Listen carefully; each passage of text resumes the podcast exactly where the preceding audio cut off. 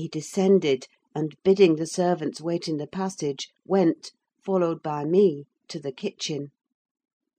Its occupants had recommenced their angry discussion: Mrs. Linton, at least, was scolding with renewed vigour. Heathcliff had moved to the window, and hung his head, somewhat cowed by her violent rating, apparently. He saw the master first, and made a hasty motion that she should be silent; which she obeyed abruptly, on discovering the reason of his intimation. "How is this?" said Linton, addressing her. "What notion of propriety must you have to remain here, after the language which has been held to you by that blackguard? I suppose, because it is his ordinary talk, you think nothing of it: you are habituated to his baseness, and perhaps imagine I can get used to it too." "Have you been listening at the door, Edgar?" asked the mistress, in a tone particularly calculated to provoke her husband, implying both carelessness and contempt of his irritation. Heathcliff, who had raised his eyes at the former speech, gave a sneering laugh at the latter: on purpose, it seemed to draw Mr. Linton's attention to him. He succeeded, but Edgar did not mean to entertain him with any high flights of passion. "I've been so far forbearing with you, sir," he said quietly. "Not that I was ignorant of your miserable, degraded character, but I felt you were only partly responsible for that; and Catherine wishing to keep up your acquaintance, I acquiesced, foolishly. Your presence is a moral poison that would contaminate the most virtuous: for that cause and to prevent worse consequences, I shall deny you hereafter admission into this house, and give notice now that I require your instant departure. Three minutes' delay will render it involuntary and ignominious." Heathcliff measured the height and breadth of the speaker with an eye full of derision. "Cathy, this lamb of yours threatens like a bull," he said. It is in danger of splitting its skull against my knuckles. By God, Mr. Linton, I'm mortally sorry that you're not worth knocking down!" My master glanced towards the passage, and signed me to fetch the men: he had no intention of hazarding a personal encounter. I obeyed the hint; but Mrs. Linton, suspecting something, followed and when I attempted to call them, she pulled me back, slammed the door to, and locked it. "Fair means!" she said, in answer to her husband's look of angry surprise. "If you have not courage to attack him, make an apology, or allow yourself to be beaten. It will correct you of feigning more valour than you possess. No, I'll swallow the key before you shall get it. I'm delightfully rewarded for my kindness to each. After constant indulgence of one's weak nature and the other's bad one, I earn for thanks two samples of blind ingratitude, stupid to absurdity. Edgar, I was defending you and yours, and I wish Heathcliff may flog you sick for daring to think an evil thought of me. It did not need the medium of a flogging to produce that effect on the master. He tried to wrest the key from Catherine's grasp, and for safety she flung it into the hottest part of the fire. Whereupon Mr. Edgar was taken with a nervous trembling, and his countenance grew deadly pale. For his life he could not avert that excess of emotion: mingled anguish and humiliation overcame him completely. He leant on the back of a chair, and covered his face. "Oh, heavens! in old days this would win you knighthood!" exclaimed Mrs. Linton. "We are vanquished! we are vanquished! Heathcliff would as soon lift a finger at you as the king would march his army against a colony of mice. Cheer up! you shan't be hurt. Your type is not a lamb: it is a sucking leveret." "I wish you joy of the milk blooded coward, Cathy," said her friend. I compliment you on your taste; and that is the slavering, shivering thing you preferred to me.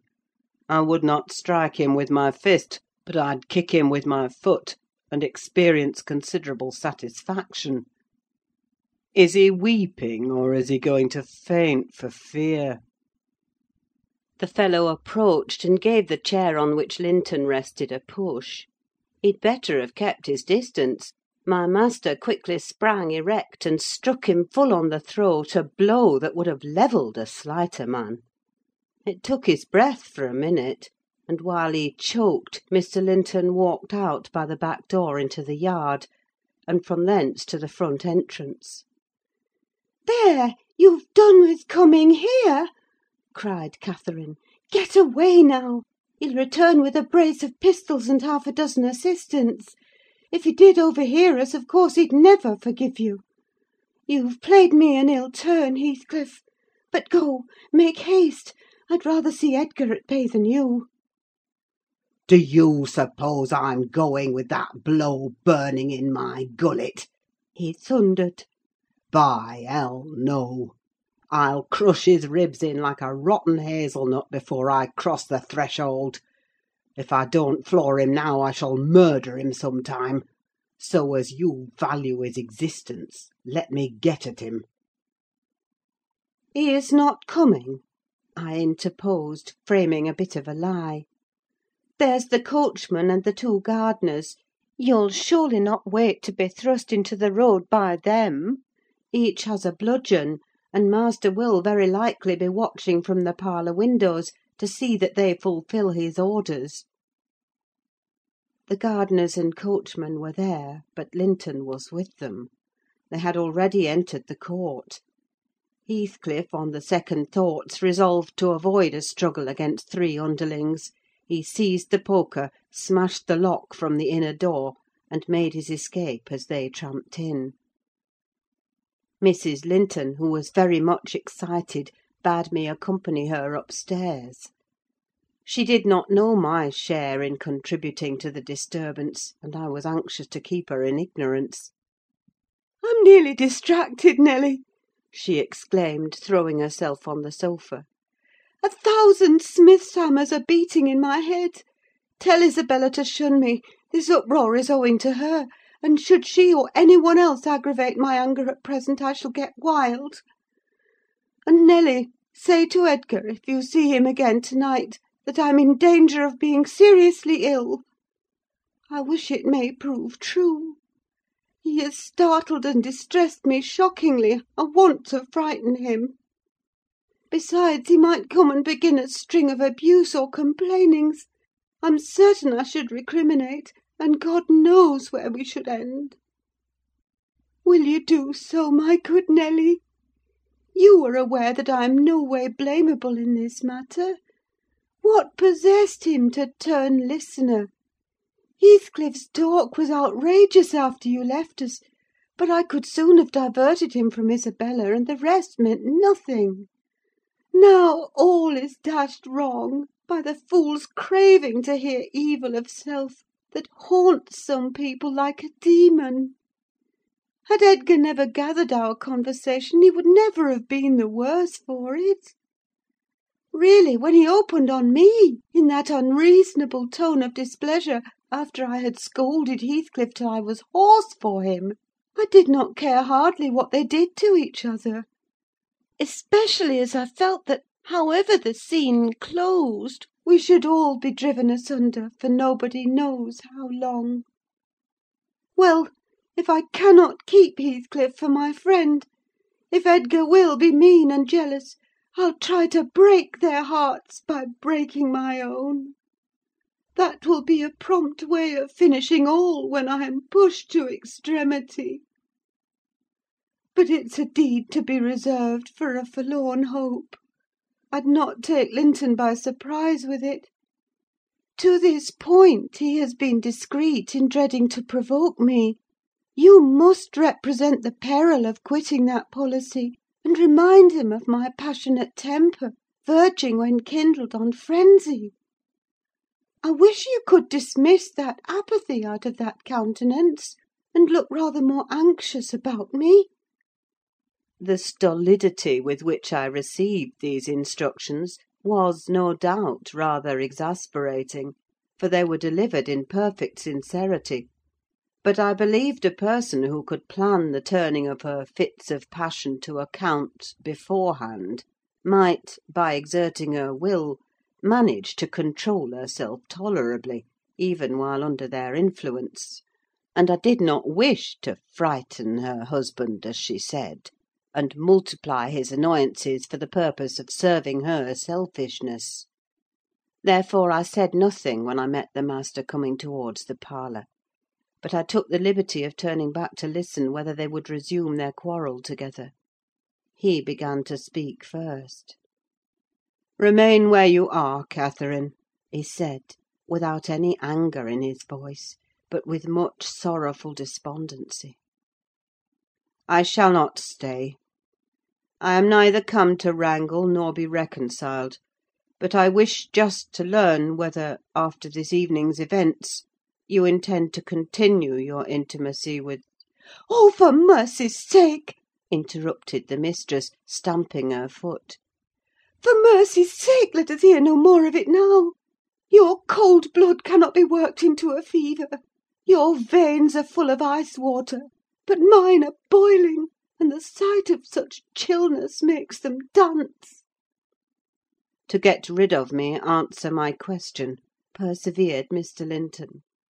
"You must answer it; and that violence does not alarm me. I have found that you can be as stoical as any one when you please. Will you give up Heathcliff hereafter? or will you give up me? It is impossible for you to be my friend and his at the same time; and I absolutely require to know which you choose." "I require to be let alone!" exclaimed Catherine, furiously. "I demand it! Don't you see I can scarcely stand? Edgar, you, you leave me!" She rang the bell till it broke with a twang. I entered leisurely. It was enough to try the temper of a saint, such senseless, wicked rages. There she lay, dashing her head against the arm of the sofa, and grinding her teeth, so that you might fancy she would crash them to splinters. Mr. Linton stood looking at her in sudden compunction and fear. He told me to fetch some water. She had no breath for speaking. I brought a glassful, and as she would not drink, I sprinkled it on her face. In a few seconds she stretched herself out stiff, and turned up her eyes, while her cheeks, at once blanched and livid, assumed the aspect of death. Linton looked terrified. "There is nothing in the world the matter," I whispered. I did not want him to yield, though I could not help being afraid in my heart. "She has blood on her lips," he said, shuddering. "Never mind," I answered tartly; and I told him how she had resolved, previous to his coming, on exhibiting a fit of frenzy. I incautiously gave the account aloud, and she heard me; for she started up, her hair flying over her shoulders, her eyes flashing, the muscles of her neck and arms standing out preternaturally. I made up my mind for broken bones, at least; but she only glared about her for an instant, and then rushed from the room. The master directed me to follow. I did, to her chamber door. She hindered me from going further by securing it against me. As she never offered to descend to breakfast next morning, I went to ask whether she would have some carried up. "No," she replied peremptorily. The same question was repeated at dinner and tea, and again on the morrow after, and received the same answer. Mr. Linton, on his part, spent his time in the library, and did not inquire concerning his wife's occupations. Isabella and he had had an hour's interview, during which he tried to elicit from her some sentiment of proper horror for Heathcliff's advances, but he could make nothing of her evasive replies, and was obliged to close the examination unsatisfactorily; adding, however, a solemn warning that if she were so insane as to encourage that worthless suitor, it would dissolve all bonds of relationship between herself and him.